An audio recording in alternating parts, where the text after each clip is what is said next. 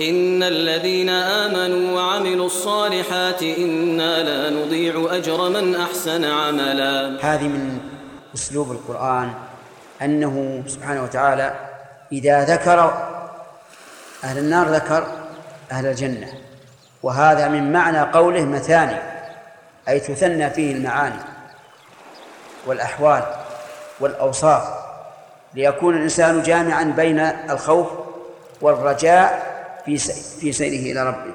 وسبق الكلام على قوله آمن وعمل الصالحات. إنا لا نضيع أجر من أحسن عملا كان الذي يتوقع الإنسان أن يقول إنا لا نضيع أجره. ولكنه عز وجل قال أجر من أحسن عملا لبيان العلة في ثواب هؤلاء.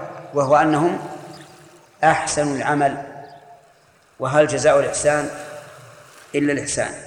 هذا من وجه معنوي وجه لفظي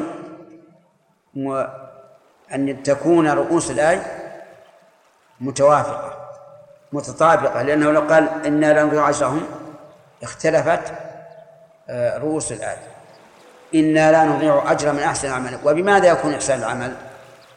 يكون بأمرين الأول الإخلاص لله عز وجل والثاني المتابعة لرسول الله صلى الله عليه وسلم. ولا يخفى ما في الآية الكريمة من الحث على إحسان العمل.